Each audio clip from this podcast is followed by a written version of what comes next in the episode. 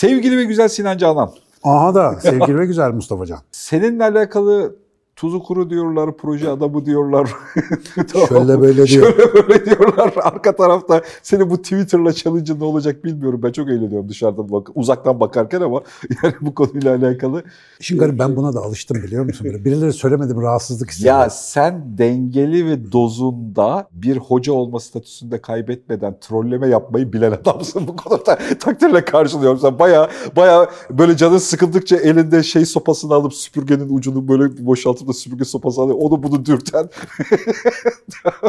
ne yapayım bizim de eğlencemiz bu işte yani. Şeyde, Başka kötü alışkanlığım yok. Şu tuzun tuzun kuru mevzusunu açık e, sohbetini yapabiliriz. Çünkü bu bana da çok gelen suçlamalardan bir tanesi. Aslında sanıyorum sen de böyle yaklaşırsın muhtemelen. Bunun teknikleri var. Tekniklerini öğrenirse herkesin tuzu kuru olabilir. Tabii, tabii, şeyle alakalı. Daha geçenlerde oluştu galiba ona referans veriyorsun. Seçimlerle ilgili bir şey yazdım. Yani aslında bütün hayatın her bir anı seçim ama sen bunu unutur da başkalarının sana ihsan etmiş gözüktüğü bir takım seçeneklerde kurtuluş ararsan yani burnun kakadan çıkmaz bağlamında bir şey yazdım. Öyle daha kibar yazdım tabii. Bir tanesi gene hemen tuzumun kuru olduğunu iddia etmiş ve bundan dolayı böyle gevşek gevşek konuştuğumu söylemeye çalışmış. Daha kibarca söylemiş. Ben de ona dedim ki tuzum kuruysa niye kuru olduğunu niye merak etmiyorsun? Yani ben de bu dünyada yaşıyorum. Ben de doların e, TL karşısındaki durumundan e, hüsrana çok uğruyorum. Ben de pahalılıktan şikayetçiyim. Ben de bilmem ne ama tuzu kuru diye itham edecek kadar sana rahat gözüküyorsan bunun sebebini araştırmayı niye düşünmüyorsun demek istedim aslında. Şimdi bizim burada ya böyle bir şey var. Bir ara ben bunu ilk Cem Mumcu'da karşılaştım. Bir tanesi işte hayatında hiç otobüse binmemiş adam hede öde diye bir şey yazdı Cem Mumcu. Cem Mumcu da döşedi o zaman. Lan ben param olmadığı için otobüse binemediğim zaman da şuradan şuraya yürüdüm falan gibi şeyler yazmıştı. Şimdi zannediliyor ki bazen biraz böyle yazıp çiziyorsanız, acık meşhur arkadaşlarınız varsa ya da ekranda gözüküyorsanız, acık böyle fazla sırıtıyorsanız belki bazen, her şeyinizin yolunda olduğu, işte milyonlarca dolar bankada hesabınızın olduğu falan filan hemen otomatikman düşünülüyor. Artı birilerini rahatsız edici bir şeyler söylüyorsanız, yani öyle söylemleriniz varsa, en azından standart bir Twitter kullanıcısını ekran başında 10 saniye kadar düşünmeye sevk ediyorsanız falan proje adamı olmakla çok itham edilirsiniz mesela. Bunların kökü dışarıda. İşte bunları bilmem ne destekliyor. Biri desteklese hiç fena olmaz ama yok öyle de bir şey. Mesela garip mesela bununla suçlanan bazı arkadaşlar var isim vermeyeyim medyada meşhur böyle bazen programlarda falan denk gelince ulan bilmem ne projesindeymişim ya ben falan diye Cem Yılmaz'ın kendi cinsel hayatını çekirdek çitleyerek televizyondan seyretmesi gibi. Uçak almışım. Ha, biz de ne projelerin adamıyız falan diye izliyoruz. Şimdi bütün bu senelerce bunları hep gördüğüm için ben bu şikayet eden cesaret edemez hikayesini geliştirdiğim yerlerden birisi burası. Şimdi bir adam var karşında işlevsel gözüküyor ve bu senin sinirini bozuyor. Niye? Sen işlevsel değilsin. Sen kendini sıkışmış daralmış hissediyorsun. Ee, işte mesela bir tavsiyede bulunuyorsun. Bugün daha atıl, attığımız bir tweet. İşte Hiran yoksa aydınlama beklemeyi arkadaşlar kesmişler sağ olsunlar, paylaşmışlar. Bayağı da bir geziyordu ortada. Bir tanesi demiş ki, e, işte Hiran yoksa aydınlanma beklemede ben hep şey derim ya, biraz kendi içine çekil, kendine baş başa kal. Dışarıdan alacağın bilgiden daha fazlası çıkacak falan gibi. Bir tanesi demiş ki bu tweet'i beğenen demiş şu anda işte beş çocuklu evde tek göz odada yaşayıp tepesinde beyaz bir ampul yanarken komşunun kaçak Wi-Fi'ine bağlandığı hede hödösüyle bunu beğeniyor falan. Öyle bir pozisyonda yakınma güvencesi benimsemişiz ki kendimize ve kültür olarak bu bazımıza o kadar güzel sirayet etmiş ki kendimizi kötü hissetmek ve bu kötü hissettiğimiz durumla ilgili devamlı yakınmak hayatta var olan tek varlık sebebimiz. Bunu yapabiliyoruz ve bunun dışında bir şey yapan birine de makul olarak baktığımızda diyoruz ki ulan bunda bir şey var. Yani ya miras yedi, ya destekleniyor, ya proje, ya bilmem ne, ya uzaylı. Yani başka türlü bir açıklama imkanı yok. Halbuki aslında bu bir metodoloji, bir tercih. Mesela biz 4 seneyi aşkın bir süredir bunu niye yapıyoruz? Bu bir tercih. Bize para mı ödüyorlar bunun için? Yok biz valla bayağı para ödüyoruz bu iş için. Yani bu bizim ekstradan yatırım yaptığımız bir süreç. Ve bu bizim işte canlı arge sohbetimiz. Bunu bol bol konuştuk zaten. Biz bu düşünce geliştiriyoruz burada. Ama dışarıdan bakan birisi, hele biz burada iki tane politik laf etsek mesela, bizim hassas karnımız orası ya. Kesin sen de ben de direkt proje adamı oluruz. Kim bilir bu program için kaç para alıyorlar oluruz. Şimdi suya sabuna çok dokunmadığımız için öyle saldırı yemiyoruz. Ama tercih ettiğimiz bir şeyi devamlı yapabiliyor olmak bile böyle bir ülkede sinir sebebi. İnsan mesela gıcık oluyorlar. Bu niye bu böyle yapmaya devam ediyor falan diye. Şimdi bu rahatlığı bütün bu rahatsızlıklar içerisinde sağlamanın bir yöntemi var. Ben bütün kitaplarda bilmem nerede zaten parça parça anlatmaya çalışıyorum. Senle burada dilimizde tüy bitti tabiri caizse hep bunları anlatmaktan. İşte ne o ruh eşini bulma meselesinden bahsederken de bunu anlatıyorduk. Hayalindeki mesleği bulmayla ilgili konuşurken de bunu anlatıyorduk. Hep aslında aynı şeyi anlatıyoruz. Söylediğim çok net bir şey var. Senin de yani seninle iyi anlaşmamızın sebebi de zannediyorum bu. Hayatta sana olan şeyleri seçemezken o olan şeylere ne tepki vereceğini seçmenin bin bir tane yolu var. Ve bu konuda yatsınamaz bir özgürlüğümüz var. İstersen 8 kişi tek göz odada bir yerde yaşa, gözünü kapatıp düşüncelere dalabilme opsiyonunun hala olduğu bir dünyada yaşıyoruz. Ve bu fırsatları yakınarak kaybettiğin bir dünyada fatura kesmen gereken tek kişinin de kendin olduğunu fark etmelisin uzun vadede diyoruz. Devamlı bunu söylüyoruz. Mesela ben bir sosyal medya orucuna girdim. Muhtemelen pek kimse fark etmedi. Üç gün hiçbir şey yazıp çizmedim. Bu üç gün seçimin bir gün öncesi, seçim günü ve seçimden bir gün sonrası. Bir de babamın vefatı falan zaten böyle bir şey verdi bana, bir el ayak çekme şeyi. Ya üç gün boyunca hayat o kadar güzeldi ki. Yani hiçbir şekilde teşvik mesaiye girmedim. Seçimlerle hiç ilgilenmedim. Gerçekten hiç ilgilenmedim. Gece biraz sonuçlara baktım. Mambo cambo bir sürü yorumcu var. Daha yüzde üç sandık açılmış. Millet bir anda Türkiye'nin kaderini çiziyor falan. Sabah kalktım. Sonuçları öğrendim. Tahmin ettiğim gibi. Vurdum kafayı tekrar yattım hayatıma devam ettim yani. Şimdi bu rahatlığı sağlayan şey yani siyasetin beni etkilememesi mi? Dolar kurundan etkilenmeyecek bir birikim mi olması mı? Hayır. İlgilenmemeyi tercih edebilme özgürlüğü. Mesela ben onun yerine şurada yapacağımız konuşmayı daha çok önemsiyorum. Şu ve bundan sonraki kitaba, ima bitiyor bu arada. Vallahi bitiyor. Ya bak bu konuyla beraber izleyicinin önünde gerçekten soru çıkartmak Bitti bitti. üzere. Yok, bir- söz, söz verdim sana. Ay sonu bitecek dedim. Yani. Ama hangi ay sonu olduğunu söyle. yani bu- bitiyor bu- bitiyor. Yok vallahi bitiyor. Bu arada son gelişmelerden sonra da iyice bir gaza geldim. Bayağı çatıyı editörlere gönderiyorum. Hiç merak etme. O, o iş bitti. Yani sonbahar olmadan inşallah e, şeyi çatısı çıkacak işin. Bunlara yazdığım her bir cümleyle daha fazla ilgilenmeyi tercih ediyorum. Hayatın gerçek işleyişine bakmayı daha fazla tercih ediyorum. Yani insanların ürettiği yapay sorunlarla ilgilenmektense bunlarla ilgileniyorum. Bir süre sonra ne oluyor? Bak biz böyle bir program yapıyoruz. Binlerce insan bizi izliyor. Niye bu kadar vakit yatırıp bizi izliyorlar? Bu tercihlerden dolayı. Böyle tercihlerle ördüğün bir hayatın olursa anlatacak, söyleyecek, gösterecek bir şeylerin oluyor. İkram edecek bir takım birikimlerin oluyor. Öbür türlü kimsenin dinlemek istemediği şikayetlerin oluyor. Şikayet bir tek işe yarar. Senin gibi yakınan adamlarla beraber gelip ağlaşırsın yani. bunun, Başka bir şey yaramaz. bunun çok yüksek hipnotik bir etki olduğunu, sen başka bir taraftan yaklaştın, ben de işte ba- başka bir taraftan. Yani farkında olmadan zihnimizin bir hipnoza girmişiz gibi o şikayetin üzerinden, işte ne bileyim eksikliğin üzerinden tarif ettiğim bir dünyayla o büyülenmiş haliyle 10 yıllar 20 yıllar geçirdiğini ancak bir kriz ya da çok ciddi bir sıçrama, yer değişme olduğunda bundan ayılıp çıkabildiğini fark ediyorsun insanların. Tuhaf olan da oluyor. Senin tuzun kuru cümlesinin özünde aslında böyle bir şey yatıyor. Yani senin dışında aslında özünde şunu söylüyor. Benim imrendiğim bir şey var hani o tarafta.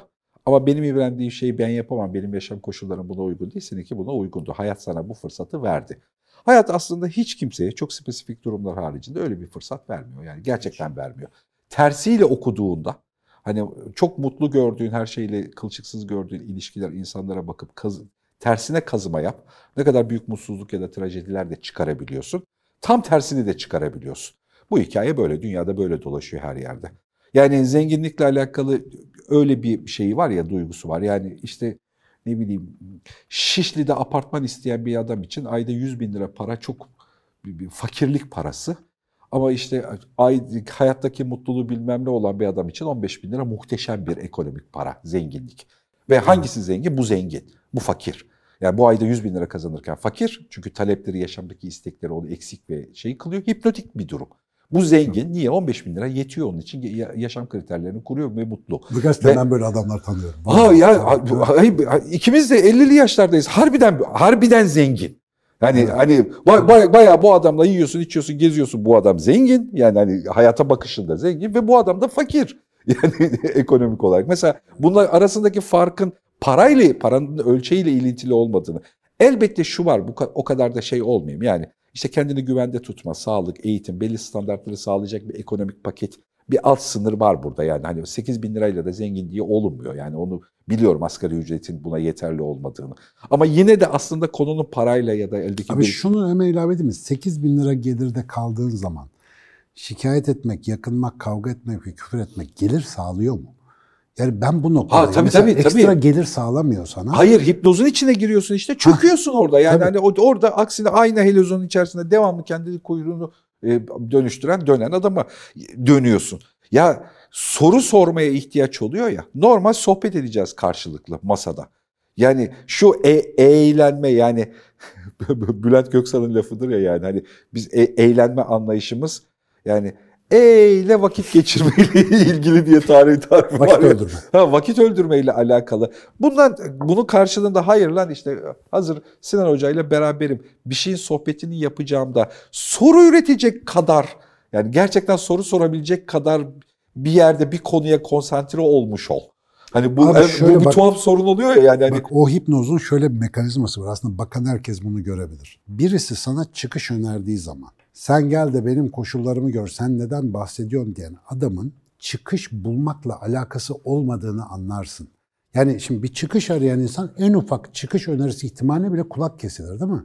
Ama eğer çıkış aramıyorsan sadece işin yakınmak ise bunu bunun hipnoz altındaysan o zaman çıkışa dair, ara çözüme dair, aklı selime dair her şey seni ekstra sinirlendirir. Şimdi geçenlerde bir üniversite öğrencisi mi, master doktora mı bir, bir şeyle bir, ben yazışmadım. Gerçi böyle mentionlardan görüyorum. Beni de atıf yaparak yazıyorlar. Yani bunların zamanındaki gibi mi şimdi üniversite? Yani hede höde oldu, pidi pidi oldu. Bizim şuzumuzu yediler, bunumuzu kestiler. Ya şimdi orada eskiden olsa şöyle bir üniversite dönemi bir özetlemek isterim. Mesela ben üniversiteyi bitirdiğim son seneden doktoramın bittiği döneme kadar rezillik, nobranlık, nadanlık, pespayelik, paçozluk, adilik, eşeklik, üçkağıtçılık her şeyin dibini gördüm üniversitede. Yani tepeden atanan bir rektörün gözümün önünde koskoca bölüm başkanımız seni bahçeye sürerim diye tehdit edecek kadar alçalabildiğini gördüm. Yani akademik kariyerdir, yayındırdan öte ideolojik aidiyetin, şekil şemalin her şey olduğu dönemlerden geçtim. Ama ben bunların ticaretini yapmadım, bunları anlatıp satmadım, bunları yakınarak acıma devşirmeye çalışmadım. Bir şey tercih ettim ya, bir tercih yaptım basitçe. Böyle mi? Ben öyle değil, böyle yapacağım. Ve öyle yapma yolunda ilişkiler kurdum, kulağımı onlara açtım, yeni çıkışlara. Sadece bu kadar basit bir tercihle bu rezil süreç bana müthiş şeyler öğretti. Şimdi her arkadaşıma, her itiraz eden arkadaşıma bunu anlatabilmeyi çok isterdim. Biri sanıyor ki benim çocukluğum ponçik geçti. Ben her gün sopa yedim. Her gün sopa yedim. Bugün adına bullying diyorlar ya akran zorbalığı. Dibini yaşadım. Ama onlar sayesinde ansiklopedi okuyup bugünlere geldim mesela. ama o dönem o işte öyle tanımı olmadığı için hiç hiç öyle gelmiyor mesela bana. Şimdi yani bunların her biriyle ilgili tek tek cevap vermek yerine bunun bir tercih olduğunu aslında tekrar tuzu kuruluk bir tercih. Yani geçmişte yaptığın şeylerin bugünkü sonuçlarına baktığın zaman hep diyorum ya küçük küçük tercihlerin inşa ettiği bir kaderi bugün yaşıyorsun. Sen bugünkü bir şeyden şikayet ediyorsan dün yaşın çok geçse senin değil belki anne babanın yanlış tercihlerinin bir birikimini yaşıyorsun. Bu arada yanlış tercih derken yatırım tercihini falan kasmıyorum. Mikro kararlardaki minik minik o kaderi ören tekrarlar bunlar. İşte senin hipnoz diye adlandırdığın o şey bizi devamlı bir döngüde tutuyor ya. Şikayet ve yakınma döngüsü sadece ve sadece derinleştiriyor. Sen istediğin kadar asgari ücretin yetersizliğinden şikayet et. Bu sana daha yüksek gelir sağlamıyor. Bunu fark etmen lazım. Daha yüksek gelire ihtiyacın varsa bununla ilgili çözümlere odaklanacak bir zihin için ilk yapman gereken şey yakınmayı sonlandırmak. İnsanlar bunu göremiyorlar. Yani bunu anlatmakta çok zor önemli. Şimdi ben meşrep itibariyle bir de hayatımdaki hakikaten bence herkesin hayatında olan birçok şanslı faktör nedeniyle biraz daha bunu yapmaya erken dönemlerde fırsat bulduğum için bu bende bir kas olarak gelişmiş gibi gözüküyor. Bazen biliyorsun sinir bozucu olabiliyor etrafımda. İnsanların uzun süre yakınmasına katlanamıyorum mesela. Hemen sonuca gelelim falan oluyorum. Bu da belki çok sağlıklı bir şey değil ama bu kadar olmasa da ya bu bir karar meselesi. Ne olur buna itiraz etme. Yani kendin için itiraz etme. Benim için değil. Yani beni memnun etmek zorunda değilsin ama kendin için bilmen gereken şey senin kararın, senin kaderin. Yani buna öyle bakmak lazım. Benim tuzu kuru olmamın sebebi bence bu gibi gözüküyor. Yani iyi ki dövmüşler, iyi ki sövmüşler, iyi ki çelme takmışlar. Ben o gün öyle yaptığım için, onlarla ilgilenmemeyi tercih ettiğim için bugün başka bir şey yaşıyorum yani. Herkes, hepimiz belki biz de döneminde içine düştüğümüz dönemler olmuştur. Yani o işte sosyal etkilerin getirisiyle beraber şikayet ettiğin, dışarıdaki bir şeylere sataştığın, bulaştığı bir dönem oluyor. Ama hani burada bir konu seçerken ya da üzerine konuşurken çok serbest bir şekilde geçtiğimiz hafta ya da haftaların içerisinde rast geldiğimiz belli bir problem öbeklerini, sık rastladığımız problem öbeklerini kişisel olarak ilgimizi de çekiyorsa konunun kendisi üzerine sohbet ediyoruz. Bu bir düşünme yöntemi. Tuzu kuruyla yoksa sen suçlandığında böyle bir böyle bir duygu değil. Sadece şeyi görme hali. Bu bir zihin hali. Buna sık rastlıyoruz. Ve bu zihin halindeki o şikayet, cesaret, hele de senin şikayet cesaret ilişkisine bakış açından kaynaklı büyük bir tuzak, büyük bir hipnoz içine düştüğümüz. Bunu fark edip ayıklayarak ilerlemek gerekiyor. Bize bir zararı yok ama olduğu yerdeki herkesi 10 yıl uyutuyor. Ya da 5 yıl uyutuyor yani gözünü kapat. Gerçekten öyle bir 5 yıl geçiriyorsun. Bana sorsan dünyadaki en büyük cehennem bu ya. Yani en büyük hiç hiç tölere edilemeyecek. Bak ölümler bile tölere edilebiliyor bence. Bu tölere edilemiyor yani. Hani 20 yıl sonra kafayı kaldırıyor. Hey, ben ne yaptım lan duygusu. Ben pişmanım. Bunu böyle yapmak istemiyordum. Benim yapacaklarım vardı. Benim hayal ettiklerim vardı duygusu var ya. Bu tölere edilemiyor ya. Yani bu, bu, bu yani bundan daha çok can acıtan bir şey yok ya dünyada. İşte onun en büyük zeminindeki gör o yüzden dönüp dönüp bu tarz bir konuya takılıyoruz. Bunu, bunun nedeni dibindeki neden o şikayet. şikayet. Mindful, mindfulness, mindfulness diye böyle sürekli söylediğimiz o konu. Dün Azize'nin eğitiminde benim şeyimdi işte modern dünyada stres yönetiminde benim oturumum vardı. Mesela orada ya böyle mindfulness egzersizleri yapıyorsun ediyorsun da ya ne olacak bunlar diye bir arkadaşımız soru sordu. Yani tamam güzel öğreniyoruz falan filan ama yani bunu hayatında bir şeye aktardığın zaman bu bıçak gibi, çatal gibi, araba gibi bir alet. Bunu nerede kullandığın, yani Porsche'm var kapının önünde. Bana ne? Yani o Porsche ile ne yapıyorsun? O önemli. Hava atıyorsan bu bile bir işlev. Yani neticede hani kızları kaldırıyoruz piyasada ama böyle bir şey yapıyorsan bile ona bir değer katabiliyorsun. Yani o böyle bir işlevi taşıdığı zaman bir anlama sahip. Şimdi o bilinçli farkındalık dediğin şey aslında ne için lazım? Şimdi, şurada ve şu anda. Onu mu yapıyorum, bunu mu yapıyorum, başka ne yapabilirim? Abi bu opsiyonları görmemenin çok iyi bir yolu başkasını tuzu kurulukla, başkasını nadanlıkla, başkasını proje adamı olmakla suçlamak. Çünkü o sorumluluk o anda yerine getirildiği anda bir an sonrası sana göre oluyor zaten. Bir an sonrası daha çok sana göre şekilleniyor. Böyle anlar biriktiğinde yani mindful mindful, bilinçli farkındalıkla adım ata ata gittiğinde de abi tecrübeli bir hayatın oluyor işte ne kadar çok yaparsan ben çok mu yaptım? Yok abi haftada bir kere yaptım. Ya bak, çok şükür iyi geldi. En az 10 defa hem de böyle samimi arkadaşlarımız da var bunun içerisinde ortak. 10 defa birebir şahit olduğum bir konudur. Düzgün bir sevgili bulamıyorum, düzgün bir ilişki yakalayamıyorum da. Tamam şikayet konusu ama böyle hani yıllara yaygın bir şikayet konusu. Bir tane kız, normal adam kalmadı abi. Ha kız tarafından olsun erkek tarafından olsun yani bir tane normal kadın düzgün olmuyor işte bilmem hani böyle duygusal anlamda tatmin edici bir ilişki yaşamak istiyor ya da düzgün bir ilişki yaşamak istiyorum hikayesinde tek bir şey bak olmuştur. Önce kritik bir değişiklik yap sonra üretmeye başla. Bu ikisini yaptığında birdenbire birkaç ayın hep de böyle olmuştur yani hani hikayede. Birkaç ayın içerisinde birdenbire evlendikleri ya da böyle bayağı uzun süreli mutlu oldukları ilişkilerin içerisine falan girebildiği. Bunu fark etmek gerekiyor ya. Bu, bunu insanlar alıp evrenden sana versin de dönüştürüyor ya. Çok sinirim bozuluyor.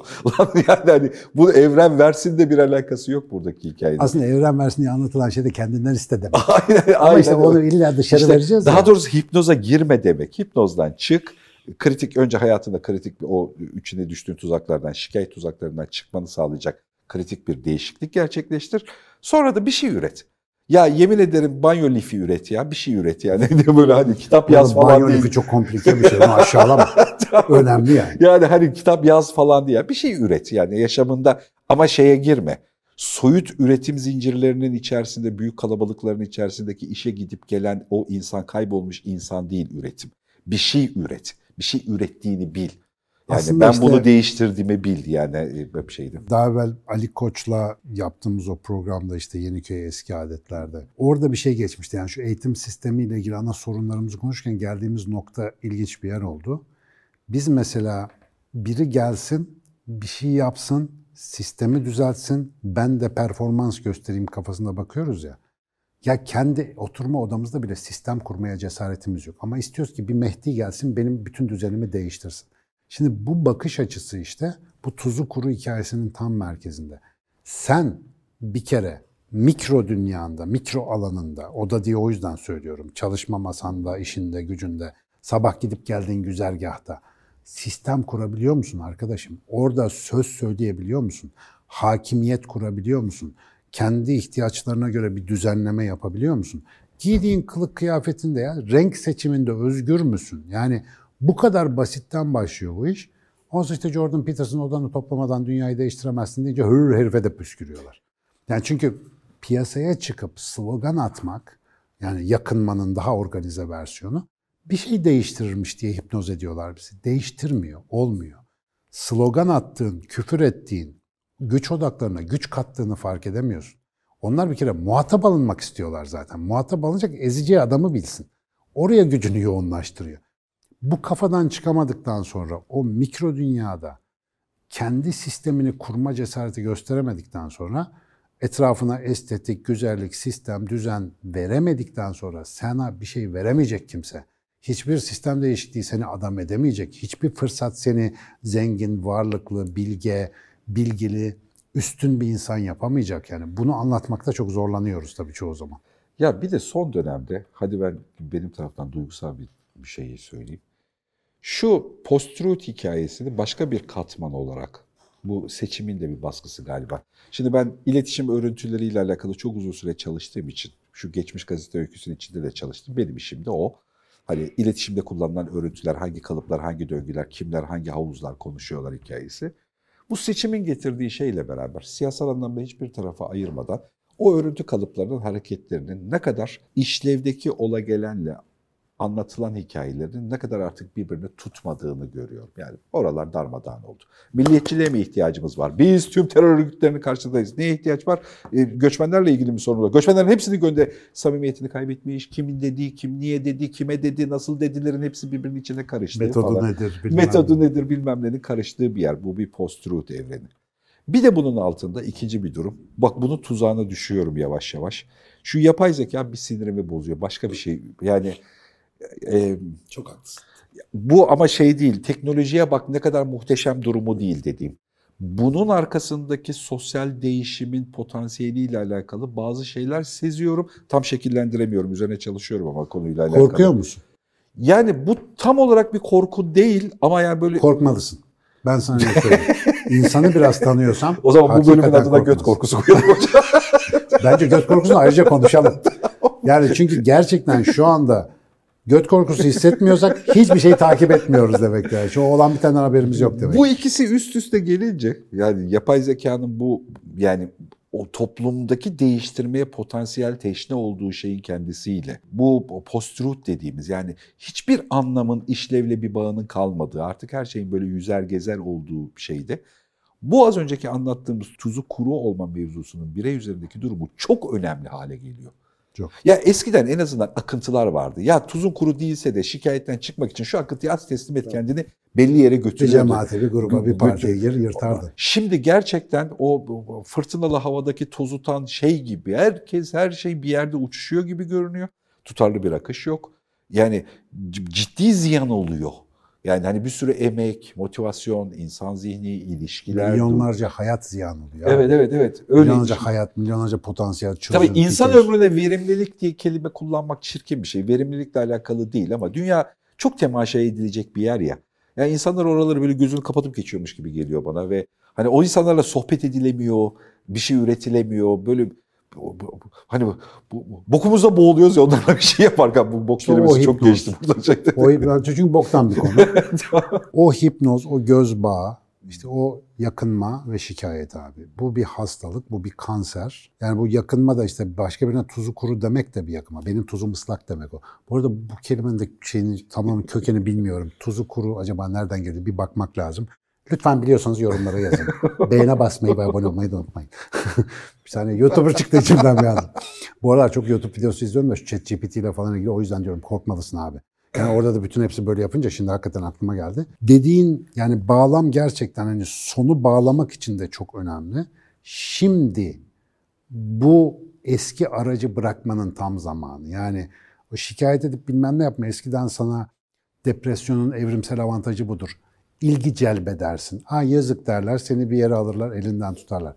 Elinden tutacak kimse kalmadı. Elinden tutmaya yeltenenler seni nereye götürüyor bilebileceğin bir zamanda değilsin. Artık bu kadar imkan, bu kadar teknoloji, bu kadar seçenek sana bir yarı tanrı rolü veriyor artık. Yani bunu fark etmek lazım. O rol elinin tersiyle itme şansın yok. E, itersen yani ömrün boyunca işte şikayet edeceğim, bilmem ne yapacağım. Bir sürü insanın hayatını darlayacaksın, kendi hayatını da darlayacaksın. Bana ne dik- dedikleri, sana ne dedikleri hiç önemli değil. Kendilerine ne söylediklerini fark etsin insanlar. Yani esas konu bu. Kendimle muhabbet ederken ben kendime ne söylüyorum? İşte bunu söylememek için sürekli mogalata, tartışma, labaluba bilmem ne. O yüzden zor zamandayız abi. O merkeze kendini koyup hakikaten kendine hak ettiğin değeri artık senden başka sana kimse vermez yani. Onu bir koymak lazım. Korkunun karşısında o feryat, figan, bağırma duygusu var ya. Endişenin ya da kaygının karşısında da şikayet geliyormuş gibi geliyor. Ve korkunun karşısında bağırma fonksiyonel olarak işlevli. Endişenin karşısında şi- şikayet kendi işlevini kaybettiriyor. Bir blokaj sistemi yani kozalamayla ilgili bir şeymiş gibi görünüyor. Bana da öyle geliyor ki biz bir sene falan görüşmesek ikimiz de feryat etmeye başlarız Mustafa. Bu muhabbetlere geliyor bence. Hocam teşekkür ederim. Vallahi.